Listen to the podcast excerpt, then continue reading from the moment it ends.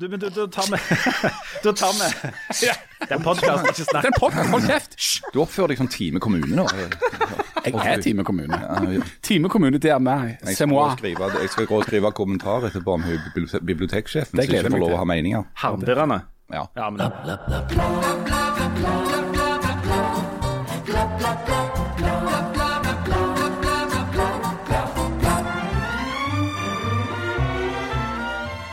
gram heroin, to gram kokain, to gram amfetamin, ti gram cannabis, en halv desiliter GHB. Nei, det er ikke handlelista til Janne sin vinterferie-weekend, men rusreformen.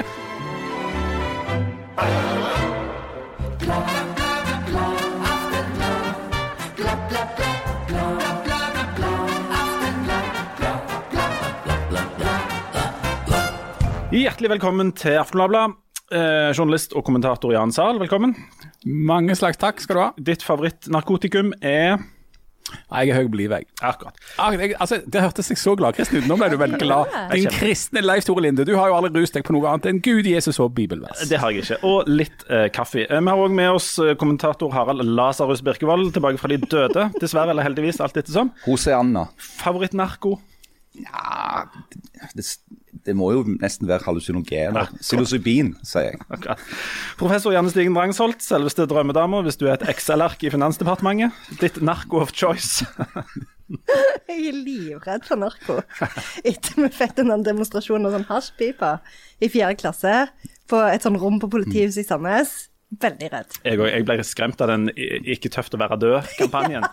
Eh, for der, der tror jeg vi endte opp med å stå Vi måtte stå um, på siden av pulten og rope 'Vi vil ikke være med i dassgjengen! Vi vil ikke være med i dassgjengen!'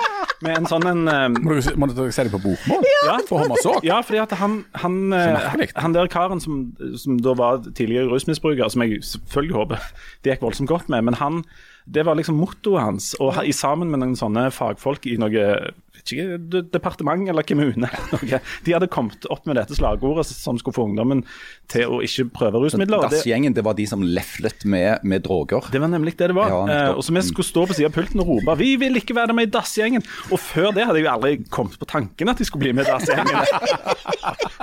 men, der, men der og da så, så ble det jo vurdert som et godt alternativ. Men det var jo det samme. Jeg husker vi var på, på Vatne, på den eh, leiren der ute.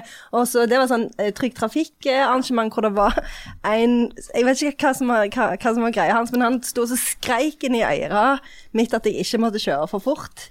Eh, så det, derfor jeg, jeg kjører aldri for fort, sånn jeg ser mer på speedometeret enn på veien. jeg kjører. Men hvis jeg kan få gi deg et, et, et, et narkotika. narkotikarelatert råd, Janne, ja. så er det ikke begynn med heroin. For Ok. det at jeg tror at du kanskje kan kunne komme til å bli litt for glad i det. Mm. Eh, for det er jo at du sliter jo med denne dødsangsten og disse tingene, og den vil jo bli eliminert fullstendig. Ja. Du blir veldig rolig av heroin, er du ikke? Ja. det? Jo, Litt det sånn mellow. rolig. Det er derfor jeg Kanskje ikke tør å prøve det. Ja. For å si det sånn. Jeg vet at dette er et brannfakkel, men jeg, jeg tenker at kanskje du ikke skal prøve så veldig mange narkotiske stoff i det hele tatt. Men det, det får bli opp til den enkelte. Ja, men, skal- men altså, Harald skal jo argumentere for at vi skal det om ikke så lenge. Det skal han. Vi skal snakke om, om eh, dette, denne fors, forslaget til rusreform, som er mm, eh, Som vel dette landet har krangla om eh, siden rusmidlene kom til Norge seint på 90-tallet, eller hva tid det var? Det kom vel med et skip til Bjørgvin i 1349, tror jeg det var. Det gjorde det. Ja, nå var jo uh, våre venner vikingene var jo særdeles glad i både, både det ene og det andre, særlig da fleinsopp. Nå er det i gang. Ok, Den menneskelige reklameplakat for narkotika har Birkevold. Vi skal, ta, vi skal ta litt mer om det eh, seinere. Men jeg tenkte vi skulle ta en liten omvei. Jeg føler jeg, jeg føler jeg er bra treffprosent hos deg i dag, Janne. Er det bare fordi jeg ga deg kaffe når du kom, sånn med en gang før du hadde Ja, fått jeg ble så glad da. Ja, ja, Det er et rusmiddel som er mer enn sterk nok Ja, ja. for eh, folk i akademia. Du, vi tar en liten, eh, skal vi ta en liten eh, runde rundt i Norge og i vårt eh, nærområde med litt laust og fast først? Um, Dette er jo den eneste måten vi kan komme oss litt rundt i Norge og løst og fast eh, i disse tider. Du, Det er på eh, alt. eh, Jan, området rundt Rogaland Teater og Stavanger museum er i ferd med å bli hettende Akropolis i en visjon om utbygging. Eh, Syns du det er passelig grandiost for en kulturhovedstad som Stavanger å bruke det navnet? Ja, det er passe pompøst og passe pretensiøst og passe provinsielt. Det er jo typisk det at hvis du er OK, unnskyld meg for det jeg skal si nå, en ganske liten drittplass ganske langt vekke eh, i verden, og så skal prøve å framstå så mye sværere enn du er, så gir du det et litt grandios navn, eller bygger noe høyt og svært, og så er du liksom på kartet, da, som visstnok Som jo er et absurd eh, eh, tema. da. Nei, men eh, Det er en interessant diskusjon. Eh, kan du på en måte gi navn til noe som gjør at det får til å, å, å framstå som sværere enn det faktisk er? Jeg tror nok ikke det. Men det interessante med, med, med den diskusjonen der er for det, det er litt sånn uklart om det er noen som egentlig har foreslått at det skal hete Akropolis, eller om det er en om det handler om den visjonen, altså den planen om å bygge i sammen uh, museet der oppe og, og teateret. For teateret trenger du altså uh, nye bygg, og det samme gjør museet. Så det er mer sånn, en sånn byråkratisk plandokument for å gi det litt sånn schwung. Og så har du da, så da, Der svirrer Akropolis litt rundt i, i uh, materien. Og så i tillegg så har da unge Tore Renberg han har da meint at dette bør ikke hete Akropolis, det bør hete Eckhoffhøyden, oppkalt etter arkitekten bak de byggene som står der nå. En arkitekt som er ganske ukjent og ikke så mange ja, vet om, egentlig. Og som ikke har markert seg på så mange andre felt. Eh, men så kom den herligste eh, vri på denne debatten som da har foregått der ute nå, når da Språkrådet melder seg på og sier at dette er jo et område som allerede har et navn. og Det navnet har det hatt siden 1300-tallet. Og det er faktisk et stedsnavn er et kulturminne. Det er ikke noe du bare endrer. Du kan ikke bare si at nei, nå heter det ikke Stavanger lenger, nå heter det Aten. Eller at eh, nå heter det ikke Kannik, for det heter Kannik der oppe, og det har det hett siden 1300-tallet. Men nå heter det Akropolis eller Persepolis eller Eckhoff eller Renberghøyden. Eh, så, så, um, så, så det, er, det er herlige supper. Men du, eh, professor Janne, du er jo bl.a. professor i dette med språk og navn og sånt. Hva tenker dere i akademia? Dere bor jo oppe, dere holder til oppe på Ullenhaug. Det er jo altså ullent. Det var et skikkelig slag i magen. Ja, nå eh, hadde jeg jo muntra deg så opp at nå tenkte jeg skulle få en mer. Er Jan er skikkelig sånn infam. Ja, han er det. Han er det. Det var en skikkelig, det var en skikkelig burn, som ungdommen sier. Ullenhaug. Der fikk du den. Men du, Janne. Kom eh, et ullent svar nå. Kom igjen. kom igjen. Akropolis-høyden. Flott navn. Akropolis, gjerne. Jeg føler kanskje at det, det er litt sånn oppbrukt. Du elsker jo Hellas, forresten. Ja, jeg elsker Hellas, eh, men jeg syns ikke det er så fint akkurat der. Jeg liker ikke så godt Aten, egentlig. Jeg syns det er veldig bråkete. Og... Hvem av dere har vært på Akropolis? Jeg, Nå Alle fire. fire stykker alle på nå. fire. Og da kan jo vi si, alle sammen, at uh, det er ikke så veldig mange likheter mellom Akropolis i Aten og Akropolis i Stavanger. Men det som er likheten, er jo dette her med liksom eh, Altså betydningen av ordet Akropolis, som vel betyr noe sånn borg på høyden, Høy eller noe sånt. Høyby. Ja. Eh, og eh, Akropolis var jo et sted som man gjerne kunne søke til i ufredstid, eller når en trengte ekstra trøst. Så sånn sett så er det jo fint å koble det opp mot kunsten og teateret, og, og, og på en måte altså, altså Sånn sett så forstår jeg hvorfor de har dette som en del av denne visjonen sin, men jeg syns jo det er veldig uklart om det er sånn at en faktisk Altså Det virker jo ikke på meg som de egentlig vil kalle det Akropolis, at det er mer sånn Nå skal vi lage et Akropolis. At det er mer sånn at det en skal prøve å få til sånn innholdsmessig, å lage et slags sånn tilholdssted som folk Altså, da, kan finnes jo en norsk parallell til Akropolis, altså den høye byen, som var som du sier, et sånn tilfluktssted for eh, innbyggerne i urolige tider. Eh, I norsk tradisjon så ble det kalt for bygdeborger, eh, som ble typisk ble bygd i Norge på den såkalte folkevandringstiden. Eh, Så hvis en skulle gjort dette her norsk, så skulle du jo kalt det for bygdeborgen i så fall, dette området. Men er det ikke litt eh, komisk å snakke om, et, eh, om Akropolis, altså et høy by Jeg vet ikke hvor høyt det der teateret ligger, er 15-20 meter over havet? altså fjorden. Ja, det, det, det, det står, det står og oppoverbakke. ruver 15-20 meter over havet, ja. Ja. Det Stemmer det? Høy by. Stemmer det det? er jo det høyeste punktet, bortsett fra det som ligger rett bak, som er litt høyere. Ja, ja, altså. Så, så sånn, jeg, jeg foreslår at vi bare går for Det Akropolis. Ja. Det er litt lavere enn Storhaug. Ja. Det er jo noen som har foreslått å kalle det for Renberghøyden òg, bare for Ta den helt ut. Ja, absolutt. Det, jeg vet iallfall om en som syns det var Jeg, jeg kjenner òg en som syns det var litt stas. Men jeg, jeg, la meg spørre om dette. For hvis kan ikke, er ikke det Det er jo navnet på hele området. Det er den gamle gården. Ja, så da, Men da blir det jo ikke noe visjon eller noe sånn vi skal, La oss gå til Kannik. Da blir det jo ikke noe Det har vel sånn markør for hva som skjer sånn på kultursida der. Nei, nei. Det har jo òg blitt kalt for Skjævelandstykket. Eh, For det, at det er oppkalt etter han som i sin tid solgte dette her. Eh, En, en gårdbruker da, som heter Skjæveland. Det hadde, vært, det hadde faktisk vært litt søtt hvis, det, hvis liksom sånn ja, Nå skal vi lage noe skikkelig visjon- visjonært. Skjævlandstykker. Ja, det. Vi har jo òg en det, det støtter jeg. Vi, eh, vi har en kollega som heter Anders Minge, som vel bor oppe i området. Han sykler jo ofte forbi der, så jeg foreslår Minge-stykket. Eller Mingehøyden, eller Ja, noe men. Da vil han broren til Anders få litt sånn grandiose uh, vrangforestillinger. Det har han nok av fra før.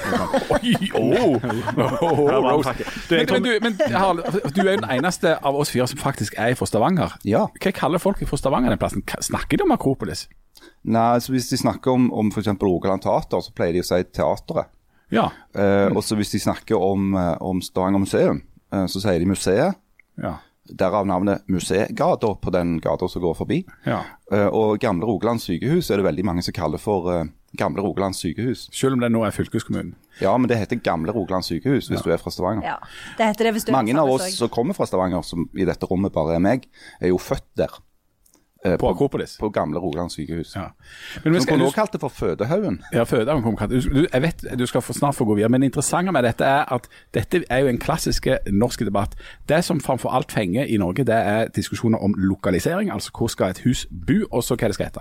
Det er egentlig mye mer interessant enn om folk altså Folk vil ikke diskutere hva som er inni, altså hva f.eks. teater driver med, eller hva de viser fram på museet. Det viktige er hva heter det. Ja, det renner likegyldig. Nå lærte jeg at, eh, i hvert fall at eh, det betyr høyby, som vel òg betyr at han der, er sønnen til Mette-Marit Hva heter han for noe? Høyby. Men hva heter han til fornavn? Marius? Mm, ja. Marius, Han heter egentlig Marius Akropolis. Det gjør han. Og det syns jeg er kjempefint. Ok, Neste spørsmål. Uh, Siv Jensen har, eh, skal, går av som Frp-leder, um, og Sylvi Listhaug tar da tilbake Frp til uh, 20 pluss på målingene. Harald, ja eller nei? Uh, nei, ikke umiddelbart. For det, at det må skje noe mer enn at Sylvi Listhaug overtar. Eh, hvis, i alle fall så var det en, en tanke jeg gjorde meg når jeg hørte den litt sånn bisarre pressekonferansen som hun og Kjetil Solvik-Olsen hadde da forleden dag. At eh, f.eks. Når, når Listhaug hun gjør jo det på en måte instinktivt. altså Frp har gjort i ja, 30 år når de slitt på meningsmålingene, det er jo å starte en ny debatt om innvandring og, og fremmedkulturer og sånn. Eh, og Det kan bli litt blytungt i en situasjon hvor grensene er praktisk talt stengt. Og alle andre partiene på Stortinget stort sett er enige om at vi skal ha en ganske streng innvandrings- og asylpolitikk. Så det blir liksom spennende å se om hun klarer å få liv i den hesten der. Um, men så er det jo sånn at jeg tror òg, når det er sagt, at Fremskrittspartiet ligger litt sånn kunstig lavt på målingene nå. Eh, de har blitt tatt litt på senga av den voldsomme framgangen til Senterpartiet, og har nok en plan om å vinne tilbake en del av de velgerne. Eh, men der tror jeg nok at Kjetil Solvik-Olsen sin måte å argumentere på vil treffe flere av de som liksom dras fra Fremskrittspartiet til Senterpartiet, enn Listhaug. Fordi at Listhaug var bl.a. en svært upopulær landbruksminister eh, blant mange av velgerne til Senterpartiet. Sitt ifra kulturavdelingen var det jo enormt humor å se hvilket tema Listhaug da valgte seg som sitt første, sin første brannfakkel i mangel av noen innvandrere og med stengte grenser. til det der. Det var Abid Raja sin stimulerings- eh, og kompensasjonsordning for kulturlivet. Eh, som jeg er litt usikker på hvor mye stemmer du får på. Og som Frp vel har stemt for alle. Ja, De har stemt for alt. de har stemt for alt i hop. Så, så, så hun går altså ut og kritiserer at kulturlivet får, har så gode støtteordninger i koronatiden, når kulturlivet da er noe av det som virkelig er nedstengt. Men du Janne og dine kolleger på Ullenhaug, dere er vel tilbake i Frp-rekkene nå, er dere ikke det? Med Jo, jo. Sylvi Listhaug bak Jo, vi er kjempefornøyd. Ja, men det er strålende. Vi ønsker alle lykke Akademia til. står last og brast med Listhaug. Ja, vi gjør det. Et- Heia Sylvi. Og et lite spørsmål. Eh, Er det Kjetil eller Ketil Solvik-Olsen? For Ja, han skriver det jo Ketil, da. Jeg tror, jeg tror det er Ketil. Men, ja, det er er det? Men ja. fra Bryne. Ikke bare ifra Bryne. Nei. Ifra Kong Magnus gate. Hva er gata jeg har vokst opp i? Kong? Magnus gate. Kong Magnus gate. men spørsmålet er Ketil Solvik-Olsen sitt hus ligger 20 meter ifra mine foreldre sitt hus. Altså, for ei gate. Men da vet du jo om han heter Ketil eller Kjetil. For han var litt yngre enn meg, så jeg har liksom Å, ikke hengt rundt med han. Jeg var litt grann med broren uh, i, i, for lenge, lenge lenge siden. Men, men uh, Hva heter da- han? Ståle? Altså, så uttalte dere ikke S-en? Så han heter bare Åle? Åle. Jeg har jo glemt Det var din beste kamerat. Ja, ja. Så spørsmålet mitt var veldig kort. Uh, hvis folk heter Ketil på Bryne, sa de Ketil eller sa de Kjetil? Det instinktive er jo å si Kjetil. Det er jo det som uh, Da heter han det. Ja. Vi hopper over til neste. Um, flere har i det siste lufta ideen om å vaksinere ungdom og unge voksne før oss uh, midt i livet gamliser. Uh, yay or nei til det, Janne? Ja, jeg er veldig for det. Men ikke de som er russ. Jeg vil, jeg vil vaksinere de som er studenter. Og de syns jeg de burde være aller først til å få vaksinen. De syns jeg er kjempesynd på. Jeg er veldig bekymra for de. Eh, Jeg tror de holder på å utvikle en sånn kollektiv depresjon. Eh, Så jeg har bare lyst til å gi dem en vaksinen, og så gi dem en god klem. Men det kan du ikke siden du ikke er vaksinert. Nei. Harald. Er det ikke sånn, unnskyld at jeg spør, men, men er det ikke sånn at selv om du er vaksinert, så kan du smitte andre? Eh, så Nei, det er, ikke, det er ikke avklart ennå. Det vet er det ikke det. Vi vet ikke det. Nei. Men si at det er sånn.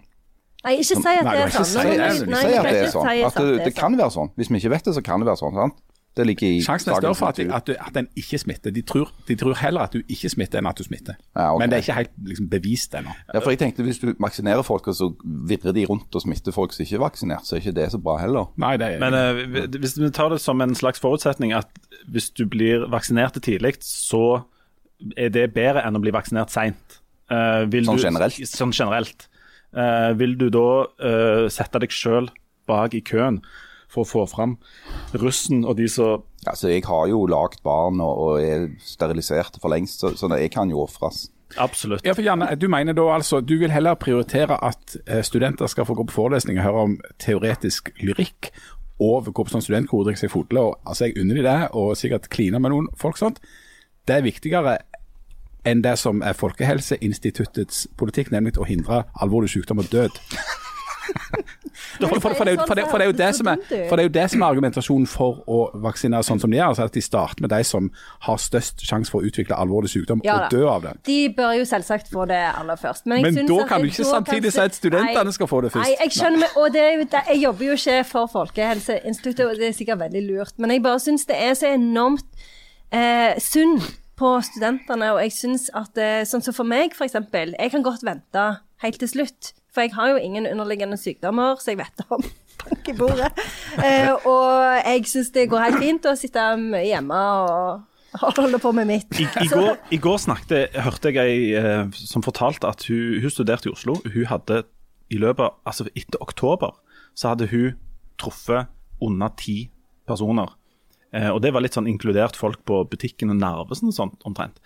Og, hørte, og, og da tenkte jeg at det er virkelig biringt. Altså da blir du eh, Sjansen for å gå inn i litt sånn depresjon av en eller annen form da, den er høyst, må være høyst reell. Ja, så er så bekymra for at de skal ende opp med å kutte av studien og bryte av studiene, at det ikke blir noe av utdanningen. For det, nå har det vart så enormt lenge, og når du tenker på liksom hvor lenge det føltes som den studietida varte, så var jo det ganske sånn lang periode. Det er jo bare noen få år. De bør jo få liksom, de før, bør få ei god tid. Nemlig. Altså, De det har, det årene har bør være vart gode i for ti måneder.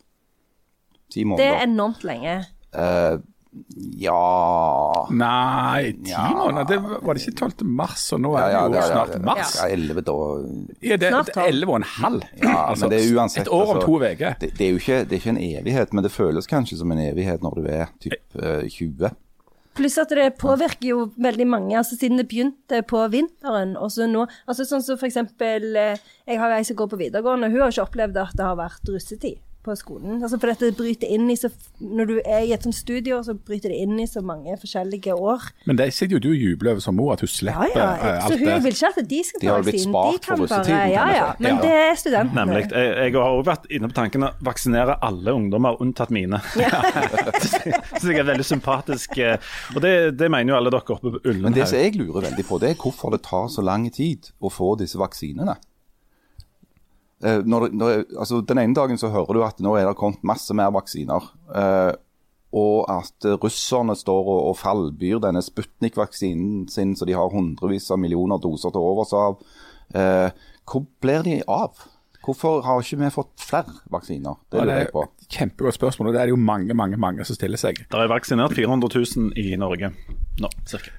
Ja. Jeg leser, jeg så i dag, da så det var 300 000. 300 392 000 Ja, ja. et eller annet. Eh, Det kommer seg. Men, jeg- men Men det, det er første dose. Det er bare Ja. 70 000-80 000 som er fullvaksinerte. Det er vel kanskje den, eh, den der vaksinebiten av den norske uh, behandlingen av denne epidemien som eh, jeg har stussa mest over.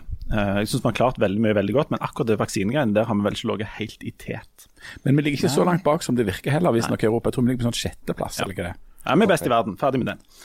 Um, en, en, en annen ting. Uh, vi, har jo, vi har jo nå landa på Mars, og med vi som enige jeg NASA. Jeg var jo personlig ikke med. Uh, og Dette satt jeg og så på, og oppfatta det som kanskje verdens aller kjedeligste ting. Vi har satt og så på det. Ja. Ble, Jeg satt og så på det og oppfattet det som utrolig fascinerende. Gjorde du det? Ja, jeg gjorde det. Jeg òg syns det. Hvorfor det? Og Hvorfor det er fascinerende at en lander et eller annet på en sånn noen 29 millioners kilometers avstand, eh, fjernstyrt, Ja. med, eh, og, og, og store deler av det er bygd på tau. Ja. ok, det er, det er fascinerende at noen på tau klarer å bygge noe som virker. Så langt følger jeg deg. Men, men ifra der til å se at noe lander på en sånn rød matte Jeg, klarte ikke, jeg klarte, fikk ikke helt fot på det. Nei vel. Nei, altså du har dårlig fantasi da, tenker jeg. Ja, Det spør kona mi. Nei, jeg synes også, eh, selv, selv om det ikke, kanskje ikke helt sånn rent fysisk er bygd på tau, så er jo den teknologien for akkurat den antenna utvikla på tau i samarbeid med Forsvaret i Norge. Eh, og jeg syns personlig at det er dypt fascinerende at vi i løpet av relativt kort tid, eh, altså som arter, mennesker, har klart å gjøre noe sånt. Eh, for 60-70 år siden så ville dette blitt betrakta som ren ja, Science fiction. ja, science fiction rett og slett, eller bare tull. Men, men nå er det en realitet. Da de kjører rundt et, eh, en bil på halvannet tonn eh, på overflaten av en annen planet. Eh, Og så, hadde de lagt opp altså, en sånn som narrativ, altså dramaturgien i det var veldig fine. Fordi at eh, det var sånn at denne her greia eh, kom da inn i denne atmosfæren, og, så, og så var det veldig viktig at det var en periode på en hel del minutter der du ikke ante hva som kom til å skje. Og at det var liksom like stor sjanse for at dette gikk i dass som at det gikk bra. Og så, og så hadde du det der kollektive minuttet i hele verden der ingen har kontakt med det. Du vet at dette kan gå skikkelig gale, eller det kan gå skikkelig bra. Og da har du lagt opp sånn fine sånn, sånn risiko litt sånn Da sitter du og er spent, da, rent Og dramaturgisk. NASA er jo eh, eksperter i dette har jo de drevet på med i eh, generasjoner. Er sant? Det er å bygge opp den der spenningen. Sannsynligvis var det ikke så usikkert som de skulle ha det til, men det lager en sånn flott eh, som du sier, dramaturgi på det hele. Eh, og når du vet at eh, signalene fra Mars til jorda tar 11 minutter, for det er så langt som det er, så eh, får du jo den der innebygde usikkerheten. sant? Der du plutselig så kommer bildene, og så blir alle kjempeglade. Og inkludert meg, da. Så de, de bruker altså en del sånne um, triks fra filmbransjen når de lander på planeter rundt omkring? Det er jo veldig kjent. Det, altså, det, det har jo alltid vært et ganske tett samarbeid mellom NASA og Hollywood. Akkurat. Ja. Spesielt i 1969. På sommeren da. Da var det jo, ble det filma Stemmer det. stemmer det. i juni. Men, men det som òg er fascinerende, det er jo eh, for, for alt dette her med å lage liksom, fortellinger og sånn, for det er jo eh, Når en eh, fikk det der første fotografiet av jordkloden, så endra jo det hele måten vi så på eh, vår egen planet på. Eh, liksom, og bare tenk det, altså, liksom at det er i vår levetid, altså rett før, så, så kom liksom det første fotografiet av, av jorda. Og det få, å få liksom det perspektivet, sånn som Harald sier, at det liksom tar elleve minutter før eh, før bildene kommer hit, og det, det er jo bare helt sånn Det er derfor jeg syns det er så skummelt. Så når jeg hørte på radioen, når de spilte av Vind fra Mars, så skrudde jeg av med en gang, og så satte jeg på eh, Hamilton i stedet. Ja. Men det, men det, Har ikke du sett Hamilton allerede? Jo, men jeg tar den på repeat, for jeg trenger trygghet i livet mitt. Men det jeg lurer på, er, altså den der, det der bredbåndet ifra Mars eh, Det må være veldig smalt, siden det trenger 11 minutter. For jeg trodde det gikk veldig fort med sånn eh, bredbånd og signal. jeg tipper, det er Get. Det er, det er så langt til Du er on Mars. fire i dag, du. Det, det er så langt til Mars at lyset trenger 11 minutter på å nå derfra til her. Så hvis Mars hadde forsvunnet nå, så hadde vi ikke sett det før om 11 Ja, minutter. eller hvis sola hadde dødd, så hadde det tatt 11 minutter før lyset hadde bare Ja, rundt 20, er ikke? Nei, det er lenge- det er lenger til sola. 11, Ja. Ok, vi bare har 11 Ja. som Alle, standard. alle planeter, alt annet, alle andre sånne eh, fysiske gjenstander i rommet, de er 11 minutter herfra i lyshastighet. Ja. Akkurat. Nei, men det er flott. Da var det fascinerende likevel at eh, NASA med hjelp av filmbransjen klarte å lande på Mars. Men ikke det er litt fascinerende? Nei. Og at hvis, hvis det hadde vært en sånn en superintelligent sivilisasjon i en annen galakse, og de hadde en eller annen form for teknologi der de kunne se jorda og se hva som foregikk her, så ville de sett hva som foregikk her sånn ca. på 1300-tallet f.eks. De hadde ikke blitt kjempeimponert over, over menneskelig sivilisasjon. Eh, så der har vi en liten utfordring. Jeg kan bare snakke for meg sjøl, men hvis de hadde sett hva jeg holdt på med i går, så hadde de ikke blitt veldig imponerte. Hadde de antakeligvis kommet og tatt oss. OK, ferdig med det. Et siste ting før vi tar en eh, kjapp liten pause. Nå er det eh, stortingsflertall for å redusere ferjeprisene kraftig. Dette skjer rett etter vi har båret opp alt som finnes av fjell under vann for å lage masse tunneler. Er dette tilfeldig, Harald? Neppe. Neppe. Nei, men altså, Nå har de jo båret noen tunneler eh, på våre kanter, men de har ikke båret så forferdelig mange f.eks. i Nord-Norge. Nei, men hvem Um, bryr? Nei, altså, Jeg skjønner veldig godt at folk blir litt forbannet når, når eh, Forbanna! Ja, for det er forbanna. Når, når Stortinget har sagt at eh, jo, vi skal elektrifisere ferjene og, og gjøre de grønne. Hestkuk. Uh, ja, de sier sikkert det òg. Eh, og så sier de at og den regningen skal folk som er nødt til å ta ferja hver dag, eh, den den skal de ta. Det er fett, er reint. Det er familieprogram. Så, så det er jo det er jo igjen altså det er den gode, gamle by-land-greia, ikke sant. Men ferje, ferjepriser er viktig eh, rundt omkring, og det er riktig å sette de ned. For de som tar ferja hver dag, så er selvfølgelig fer- ferjeprisene noe som betyr mye for økonomien deres. Uh, og jeg tror ikke bare dette dreier seg om ferjepriser heller, det dreier seg om en mer generell uh, oppfattelse, uh, som jeg mener òg er langt på vei riktige, eh, i distriktene i Norge. eh, av at folk der blir pålagt en uforholdsmessig del av regningen for dette felles gildet, denne dugnaden som skal foretas for oss å gjøre Norge grønnere. Det, det, er jo eh, altså jeg forstår, det er jo en god sak, og det, og det er veldig interessant spesielt med den der eh, evigvarende sentrum-periferi-konflikten som foregår i Norge. Og at det kommer sånne frieri til distriktene der fra eh, politiske partier i et valgår er interessant. Og ikke annet å vente. Men det er også interessant at dette er da opposisjon, dette er opposisjonens privilegium å sette seg ned, lage et flertall og si vet du hva, nå pålegger vi regjeringa at dere skal innføre et nytt tiltak. Det koster 1,5 milliard kroner. Bare finn de pengene. Altså Ingen forslag til hvor, hvordan dette skal finansieres. Et problem med denne regjeringa som legger fram perspektivmeldinger der de skriver om at en må bruke mindre penger, Alle må bli som gjerne. er jo ja, at alle må bli som Janne og føde noe kolossalt mens de utdanner seg vanvittig. Sannsynligvis ikke i engelsk lyrikk, men eh, det er en annen skål.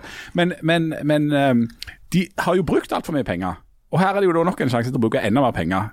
Eh, så hvor en skal holde igjen og hvor en skal knipe, og hva en skal la være å bruke penger på, og, og, og liksom den, den greie tingen med opposisjonen sier vær så god, halvannen milliard kroner, dere må bare finne, sørge for inndekning på det. Det, som skjer, sånn- det som skjer nå er jo òg et, en et resultat av at ok, vi har en mindretallsregjering. Sant? Og Da får du jo det der som jeg sliter med å uttale det ordet. Stortingsregjereri. Stortingsregjereri. Ja, det er veldig vanskelig til å si. Det var veldig vanskelig. Eh, der Stortinget benytter seg av muligheten sant? og til å instruere regjeringen med Frp på laget. da, ikke sant?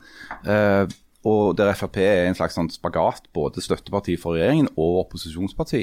Nå med også en lederskifte som gjør at de blir nødt til å markere seg enda mer politisk for å vinne tilbake noen av de velgerne de har tapt. Og da kommer det til å bli mer av det. Det jo, dette minner jo om privatøkonomien min, der det er tre i opposisjonen som bare finner masse utgifter, og så overlater de til meg med Ja. å, å dekke opp dette. Men vi har funnet et system på det. Lite fun fact om ferjer. Visste dere at før Ryfast kom og Tauferja gikk her, så tok det faktisk, når ferja la til i Stavanger, tok det 11 minutter før de visste om det på Jørpeland. Wow. Say no more. Hummersåk, da. Nei, der visste vi ingenting. Nei, nei. Det hadde gått en 14, 14 dager minst. Stemmer det. stemmer det. Eh, før bussjåføren eh, kunne informere om hva som hadde skjedd på andre sida. Vi skal ha en kjapp liten pause før vi skal eh, finne ut hva vi skal mene om narkotika. Um, og vi skal òg få høre en flott historie om en gang Janne møtte en kjendis. Vi er straks tilbake.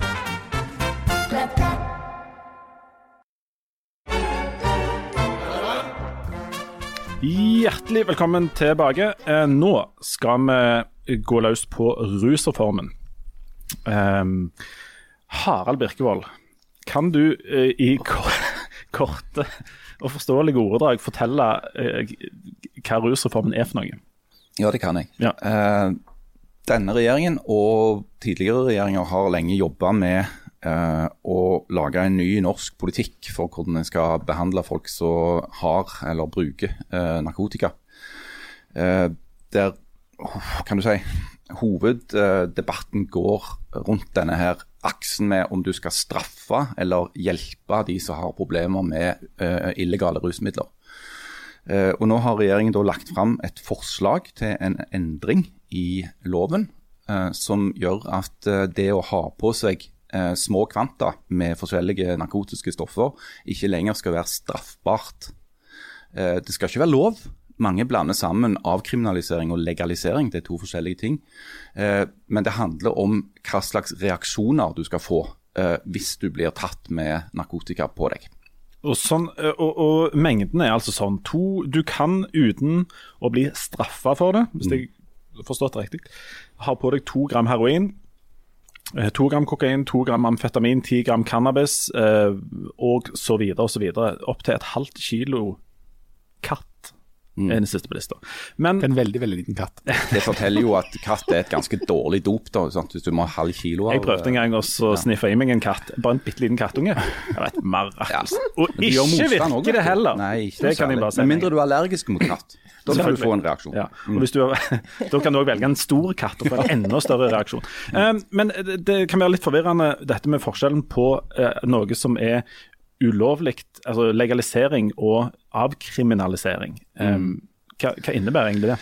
Ja, altså hvis, du hadde, hvis du hadde legalisert narkotika, så ville du ha sagt at det er eh, lov. Altså Det skal betraktes som eh, Du kan selge det i en butikk? Ja, du kan selge det i en butikk. Du kan eh, drive på med altså, Haralds heroin og, og, MDMA eh, det, du kan endelig registrere den bedriften? Ja, jeg kan endelig registrere den bedriften, men det, det får jeg da altså ikke anledning til. Uh, men det er da snakk om at hvis du blir tatt med noe narkotika på deg, og at det er under de grenseverdiene som er foreslått, så vil ikke det være en sak for politiet og domstolene.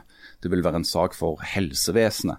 Og litt, u- litt og avhengig av hvor gammel du er, hvis du f.eks. òg er mindreårig, eh, og blir tatt med det, så blir det jo òg en sak for ja, typ barnevern, eh, sosialtjenesten, skolen. altså Det, det kan du si, offentlige behandlingsapparatet kommer inn i bildet. Du kan bli pålagt f.eks. rådgivning, eh, du kan bli pålagt forskjellige typer oppfølging. Eh, Du blir dømt til et møte med kommunen. du blir dømt til et møte med det offentlige istedenfor et møte med, med påtalemyndigheten. Det er et par ting jeg ikke forstår her. Det er altså lov å ha på seg disse eh, små mengdene med ulike narkotiske stoff, men det er straffbart å selge det. Det minner Hvordan, hvordan henger om- det i sammen? Det minner jo f.eks. om den norske eh, sexkjøpsloven, da. eh, hvor det er ulovlig å kjøpe seksuelle tjenester, men det er tillatt å tilby de. Ja, det, det går jo heller ikke i hop. Men er dette en sånn juridisk form for sånn spagat eller, eller eh, underlighet? For det, det er jo ikke logisk Hva er det som ikke er logisk? at du ikke har lov å kjøpe eller selge noe, men når du gjør det, er det eller, Men når du har det eller bruker det eller gjør det, da er det ikke straffbart. Altså, Prinsippet her er vel at du skal At du kan ha på deg det som er til på en måte eget bruk. Men hvordan i all verden skal du få tak i det til eget bruk? Da må jo du kjøpe det av noen, hvis du ikke, hvis du ikke dyrker Men- heroin og MGM eller hva det er Ja, du, du, må, du, må, du må jo bryte loven for å få tak i dette her. Men da har du brutt loven, så da er det jo straffbart. Jeg forstår ikke dette. jeg. Men det er selve besittelsen, da. Det å ha det på seg som ikke er straffbart. Og det, det, altså, det er Men en det stor- oppstår jo ikke gjennom osmose. Du, du bare ikke sånn Plutselig så har du bare eh, et halvt kilo katt på deg. Nei, Her er det jo et ønske om at du skal dreie, du skal dreie da, straffeforfølgingen av uh, de som driver på i dette her uh, markedet, fra brukerne til selgerne. Og for det, at det er ikke tvil om at politiet har begrensa ressurser og begrensa muligheter til å gjøre noe. Eh, og Uansett om det er liksom blitt nedfelt i lov eller ikke, så har det lenge blitt praktisert på den måten at eh, kan du si, slitne narkomane i varierende grad blir eh, liksom trakassert eller forfulgt av politiet for brukerdoser. Det varierer litt fra sted til sted, eller fra politidistrikt til politidistrikt, hvor aktive politiet er der. Det har jo kommet en instruks fra, fra Riksadvokaten om å ikke, fall ikke prioritere eh, den type forfølgelse av aktive rusmisbrukere. Fordi Det handler jo også om at det, de fleste som har fulgt denne såkalte krigen mot narkotika siden den ble erklært offisielt av, av, først av president Nixon og videreført av president Reagan i USA, at eh, krigen har vært fullstendig nytteløs. Altså der er etter så mange tiår med såkalt krig mot narkotika, så er det mer narkotika i verden enn noen gang. og narkotikakartellene er rikere og mektigere enn noen gang. Men, men det er vel ingen som vil at det skal være mer narkotika, folk skal ruse seg mer på narkotika? Altså, vil, vil denne rusreformen bidra til at det blir mer eller mindre narkotika? Altså, folk, altså Det kommer helt an på hvem du spør. Jeg har fulgt denne debatten om eh, altså avkriminalisering, legalisering og, og, narkotika generelt i ganske mange år. Og det er ikke, f.eks. i mitt hode iallfall, tvil om at når du slår sammen stoffer som eh, psilocybin og MDMA, som er eh, altså psykoaktive hallusinogener. Du plutselig begynte å snakke gresk, det er veldig spesielt. Ja, men altså, jeg må Det, nesten, det det du kjenner altså, som MG. Jeg må nesten Ja. gjøre det. Sånn, uh, med liksom tunge opiater som uh, heroin, så, så, er det ikke akkurat epler og epler du sammenligner. Og- Eh, og de fleste brukerne, enten de er såkalte re rekreasjonsbrukere, altså sånne oppegående, normale mennesker som bruker litt dop en gang iblant, eller du, du, du snakker om, om tunge, aktive misbrukere, så vil de alle sammen være enige om at det er litt rart eh, at disse, ble, disse stoffene blir betrakta som det samme. For det, narkotika er ikke én ting. For handler denne rusreformen òg om For jeg føler at det er to helt forskjellige brukergrupper, eller liksom målgrupper for dette. her. Eh, ting er å være heroinist og være tungt narkomane. Eh, men en annen ting er, og det er jo det som er liksom, motreaksjonene mot dette, er, er, er vanlige folk eller unge folk eh, som ikke er narkomane i den der forstanden at de knekker knærne og liksom store helseproblem. da. Eh, og, og, og Reaksjonen fra opposisjonen eller for de som er imot denne rusreformen, går jo nettopp da på at en ting er på en måte å gi helsehjelp til de som, som er tungt narkomane, som på en måte har et helseproblem, men en annen ting er slags signal dette sender til unge folk. Altså at nå er det greit eh, å, å, å bruke narkotika i, i mindre mengder. Og De mener at det vil føre til økt eh, bruk blant unge, og at det ikke er en bra ting. Men hvem er det det retter inn mot den rus rusreformen egentlig? Den, den tror jeg har minst to innretninger. Det ene er å forenkle eh, hverdagen for de som har til arbeid å forholde seg til det. Enten det er eh, påtalemyndighet og politi, eller det er eh, behandlingsapparatet. Og gjøre det klart hvor dette hører hjemme. Eh, og så er det jo en annen og litt mer sånn filosofiske diskusjon som går på det der med hvor i stor grad skal staten gå inn og regulere atferden til folk. Hvorfor er det sånn at eh, det blir betrakta som umoralsk eller, eller straffbart å endre bevisstheten sin, som en jo gjør når en tar forskjellige stoffer. Akkurat som en gjør når en drikker alkohol, som alle her, bortsett fra Leif Tore, gjør relativt ofte. Jeg gjør det jo veldig veldig sjeldent. Jeg, jeg prøvde å gjøre noe med det, får det ikke til. Janne gjør det jo stadig vekk, jeg gjør det kanskje enda mer stadig vekk. Og, og det, det er jo veldig rart hvis du, liksom, hvis du har et skritt tilbake og ser på ruspolitikken, så har vi liksom sagt at dette ene rusmiddelet, alkohol, er, er lov. Det er ikke bare lov, det er liksom kultur, og det er ikke måte på hvor, hvor mye fint folk kan si om det. Og så ser du på andre rusmidler, og så sier du bare nei, nei, det er ikke lov. Altså, der er, dette tidsskriftet heter The Lancet, som mange regner for å være liksom, det fremste medisinske tidsskriftet i verden med veldig høy kvalitetskontroll. De har for ikke så mange år siden publisert en oversikt over skadevirkningene av forskjellige stoffer. Eh, og Da ser de både på skadevirkningene for det individet som bruker de, og skadevirkningene for eh, samfunnet rundt.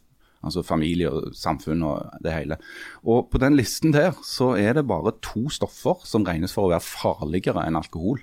Det er heroin og metamfetamin. Alle et- andre stoffer er mindre farlige enn alkohol. Ja, men de er likevel farlige. og da er jo Litt av, av beregninga handler jo om totaltrykket. altså at Hvis det er sånn at det er sto, store skadevirkninger av alkohol, som det jo beviselig er, og det er, liksom, det er veldig vanskelig å argumentere for alkohol ut fra et sånn helseperspektiv, eh, er det da en god idé å bringe inn mer rus, selv om de har eh, i seg selv mindre skadeeffekt enn alkohol? Altså Den samla summen av, av rus og rusing og effektene av rusing eh, blir jo da større hvis du åpner mer opp for det, som vel har vært noe av det som har ligget til grunn for å prøve å ha en restriktiv eh, Ikke nødvendigvis, ruspolitikk. Jan. Fordi at F.eks. for eksempel så har du stoffer som, der det er vanskelig å, å, å påvise noen skadevirkninger nesten overhodet.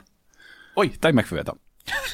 Ja, altså på, på, For igjen å vise til den der eh, Lancet-oversikten, da, så, så mener de jo at f.eks. psilocybin, som er det aktive stoffet i eh, f.eks. fleinsopp, eh, det er det umulig å overdosere på. Og det er veldig få eh, fysiologiske skadevirkninger som er påvist i det hele tatt. Men du får en litt endra virkelighetsoppfatning i noen timer. Det er det som skjer. Xylofon, var det det heter? Unnskyld? Xylofon. Xylofon, ja. Mhm. Så det er jo veldig mye myter ute og går når det gjelder rusmidler og måten de virker på. Og når alt blir sausa sammen i én stor eh, svart gryte som heter narkotika, du dør, eh, så er det jo veldig mange òg rekreasjonsbrukere som bare ler. De, det, det blir litt sånn som når Leif Tore fortalte om disse her eks-narkomane som kommer rundt på skolene. og og, og babler i vei om at du ikke må bli med i, i drittgjengen, var det det? Dassgjengen. Dassgjengen. Eh, og så sitter det jo to-tre stykker bakerst i klasserommet som har røykt en rev og to og flirer litt, fordi at de kjenner seg overhodet ikke igjen i dette her. Men, men har, men det har jo aldri eksistert vel noen sivilisasjoner som ikke har drevet med rus. på et eller annet. Altså Det er jo ikke snakk om å fjerne rus fra samfunnet til og med med en sånn rusreform. For det vil jo alltid være. Det er vel bare spørsmål om hvor, altså, hvor mye og hvordan vi skal regulere det. ikke sånn? Til og med på Akropolis drev de vel med litt rus. Og da snakker vi ikke om Kannik. Vi snakker vel til, gjerne òg om Kannik, men òg Altså, Ja, altså, vil vi ha, vi vil jo ha altså- rus uansett. I det gamle Hellas uh, så var jo enkelte rusmidler forbeholdt presteskapet. Eh, F.eks. på Akropolis i Athena og mange andre akropoli. Eh, så, og Der ble jo rusmidlene betrakta som en måte å komme i forbindelse med det guddommelige på. Eh, og Enkelte teoretikere på området mener også at altså selve fenomenet religion kan ha oppstått i forbindelse med eh, inntak av stoffer som endrer bevisstheten. Eh, du, du ser jo det i veldig veldig mange kulturer, at eh, inntak av rusmidler er noe som er forbeholdt presteskap, eh, medisinmenn, ledere, eh, som i ritualer da tar rusmidler for å komme i kontakt med eh, gudene, eller få komme i kontakt med en slags dypere sannhet. Men i, i vår moderne verden er det vel mer en måte å døyve teknomusikk på, har det ikke det? Jo, for oss, for oss som eh, tilbrakte en del tid på 1990-tallet, så kan jeg bekrefte det. Ja. Men eh, altså, den, denne rusreformen skal, skal da ta hensyn som jeg- sånn som Jan sier, til to forskjellige grupper. Du har de tungt, tungt narkomane, eh, og han skal redde liv der. Det er jo en av intensjonene. I tillegg så har du disse 16-17-åringene som vurderer alt ifra å, å lukte på sprittusjen til å røyke seg en rev og, og sånt. Um, går det an å si noe om hvem av de to gruppene denne rusreformen tar mest hensyn til? Eh, den tar helt klart mest hensyn til de som har et aktivt eh, misbruk. Eh, og Det er jo det som er det som bekymrer aller mest. Det er det samme med alkohol.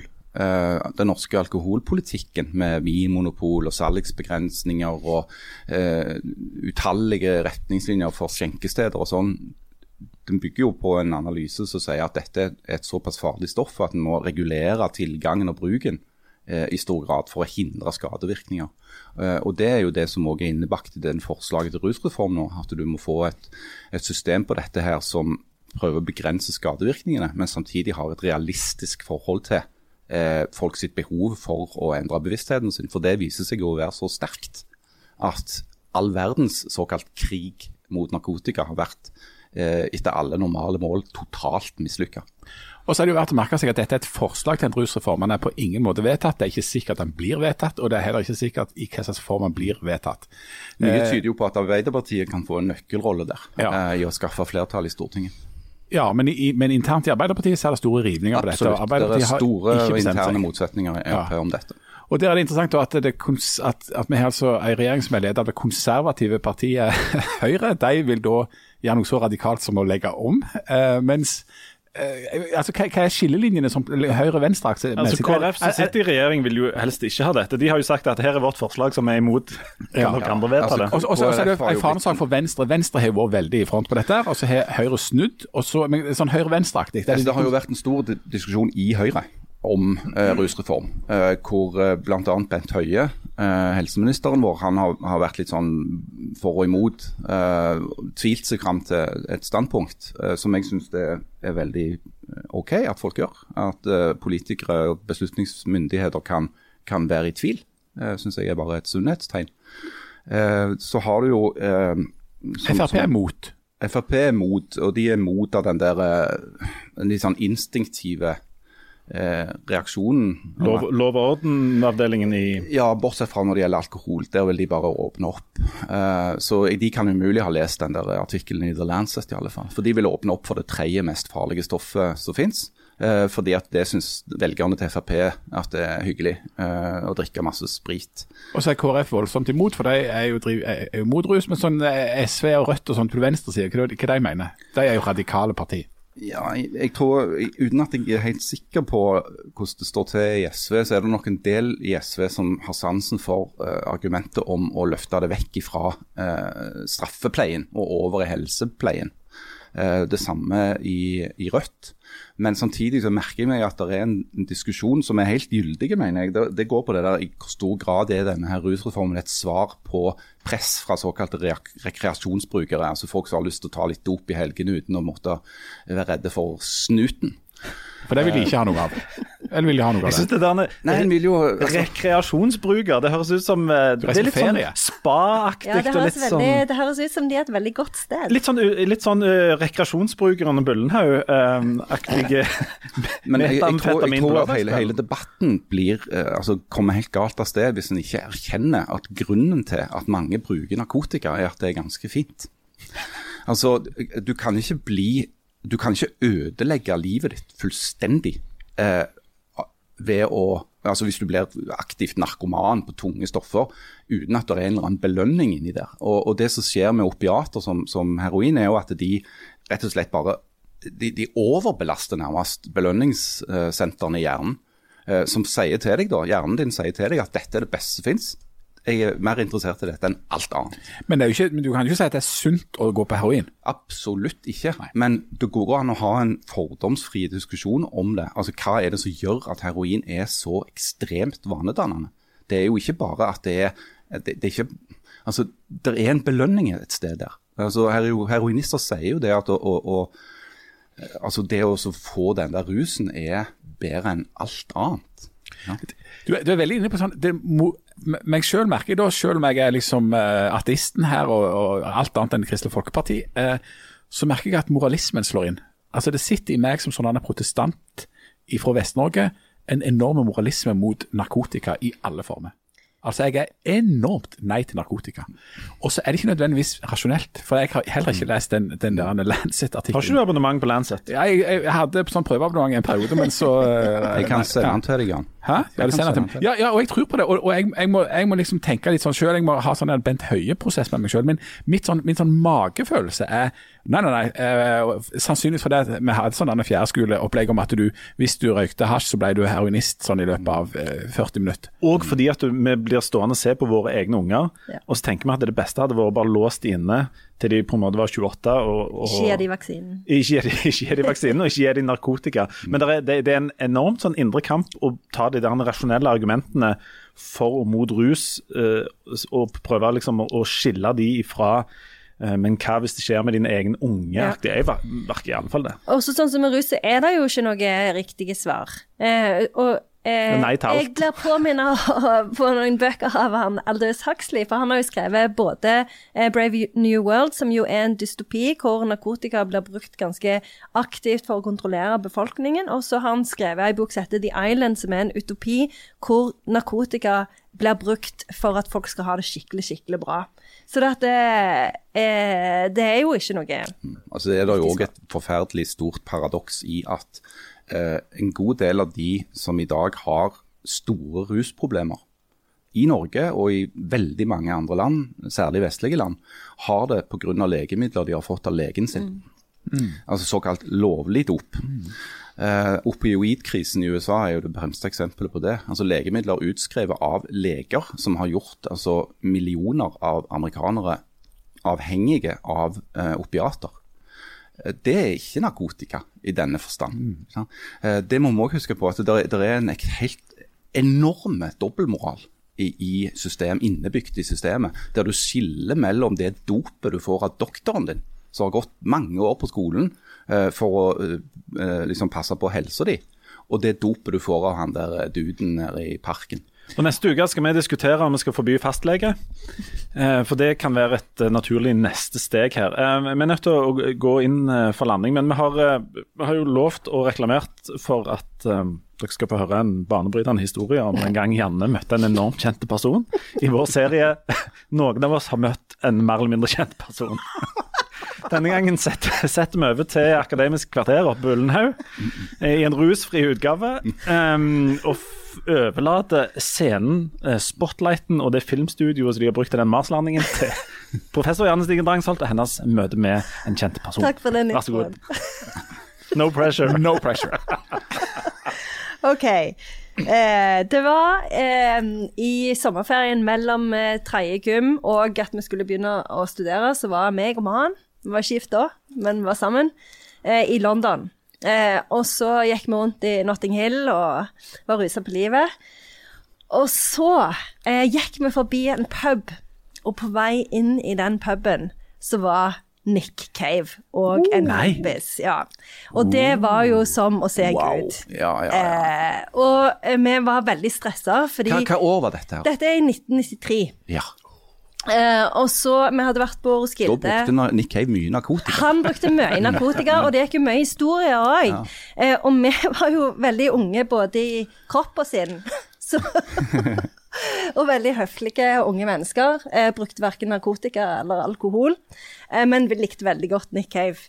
Eh, og så hadde vi hørt Vi hadde vært på Roskilde året før og hadde hørt rykter om at noen hadde truffet han på Roskilde, da, og, eh, og at de hadde kommet bort vært sånn 'Å, Nick Cave, I love you', og sånn. Og da hadde han sagt det som Lou Reed i sin tid sa til Harald, 'fuck off'. Så vi var veldig redde for vi var sånn Vil vi risikere at Nick Cave sier 'fuck off' til oss? Eh, og så var vi sånn Ja, vi må det. Men vi må vise at vi er ekte fans. Så mannen min, da, han sprang bort til en platebutikk som lå Som hadde vært innom tidligere på dagen, som lå et stykke unna. Og så skulle jeg stå vakt, da. Og holde igjen Nick Cave. Nick Cave er vel sånn ca. to meter lenger enn det. Og de som ikke kjenner Janne, Janne er litt unna to meter. Hun er ikke akkurat noe Akropolis.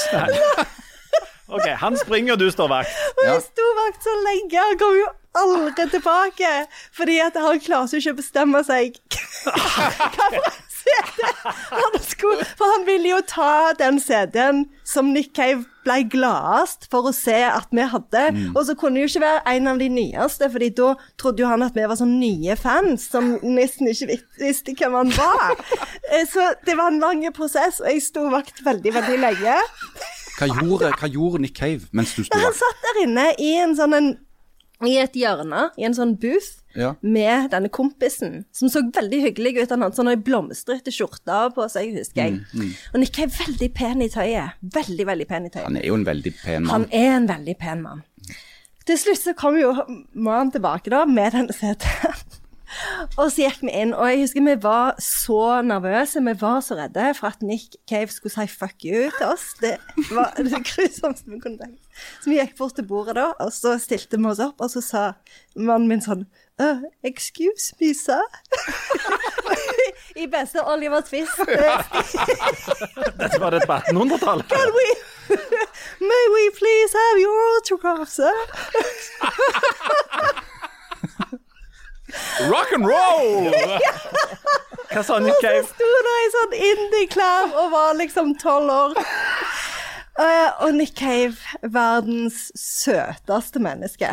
Han var bare sånn Oh, certainly, what's your name? Og tok ut uh, denne her lille boka inne. Og vi hadde jo penn, for han hadde heldigvis med seg penn, ja.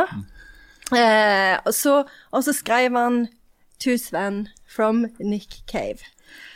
Og- plate var det? Ja, det var den der Nå husker jeg jo ikke From hva Her den to var. Eternity? Eh, ja, den Ja. var det. Mm. Selvfølgelig var det. Og så, eh, og så Det var jo en vi hadde før, selvfølgelig, Mm. men det var jo ikke så farlig. Så var vi veldig usikre, for at etterpå så sto, så vi at han hadde glemt å skrive C-en. Men heldigvis så har jo Nick Cave et veldig sånn slående utseende, så vi var jo sikre på at det var.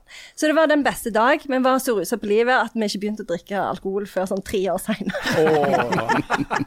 Men når jeg senere skulle fortelle den, for dette var jo den beste kjendishistorien ever for meg, eh, og så begynte jeg på japansk eh, og så skulle jeg ganske tidlig i studiet skulle vi prøve å fortelle en fortelling på japansk, og da skulle alle fortelle om når de hadde møtt en kjendis.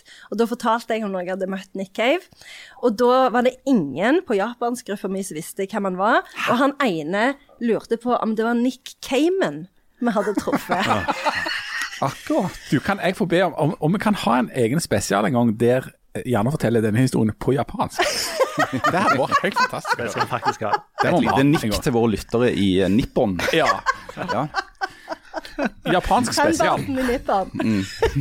Du, eh, Men, men, men eh, kan jeg spørre om er, en er det liten mer? Er det mer? Nei, nei, det var kan jeg, kan jeg spørre om en bitte liten ting? Ja. Var dere bitte litt skuffa over at han ikke sa fuck off til dere? Nei, absolutt ikke. Fordi at det, med, det var sånn en fin liten passiar der. Han var så hyggelig.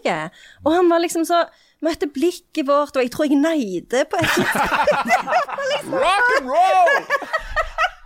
Jeg var på Det var Nick så Cave, eh, jeg var var på Nick Cave-konsert i, i Bergen for et par år siden. Jeg har sett han før òg, men da var jeg på en soloturné uh, og spilte sanger og snakket litt og, og sånn. Og da var det plutselig ei dame i publikum som bare ropte Nick Cave, kan jeg få en klem, liksom? eh, På engelsk, da. Kan jeg have a hug?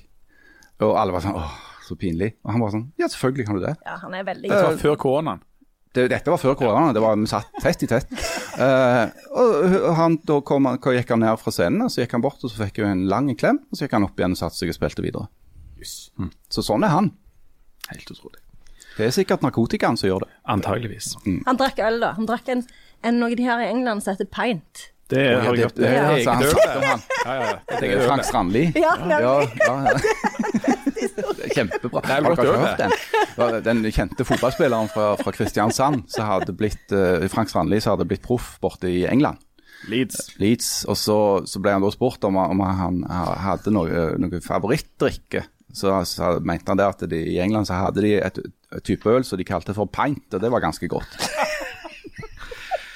Og nå kunne jeg nesten eh, fortalt min når jeg møtte Frank Strandli-historie, men det får bli en annen en gang. annen gang. Den, er, den er enormt kjedelig, men jeg syns den er veldig søt. eh. Ja, jeg har, jeg har enormt lite å by på på akkurat den fronten. Men, eh, men Jeg har det, vært på Legoland-hotellet eh, sammen med en veldig, veldig kjent fotballspiller. min, min favoritt-kjendishistorie er òg veldig lite kjendis, men han er fra Legoland og innebærer to pølser i brød, eller to høvdinger i ett ullteppe, som de kalte det i Legoland. Uansett, det får bli til, til en annen gang. Nå, eh, nå gjør vi oss. Nå får dere um, ha det fint. Eh, vi kommer selvfølgelig tilbake med en ny sending i eh, vinterferien. Så får dere mm, bruke de rusmidlene dere um, foretrekker, med måte. Og så snakkes vi om nøyaktig ei uke snart. Ha det godt. Ha det. Ha det. Ha han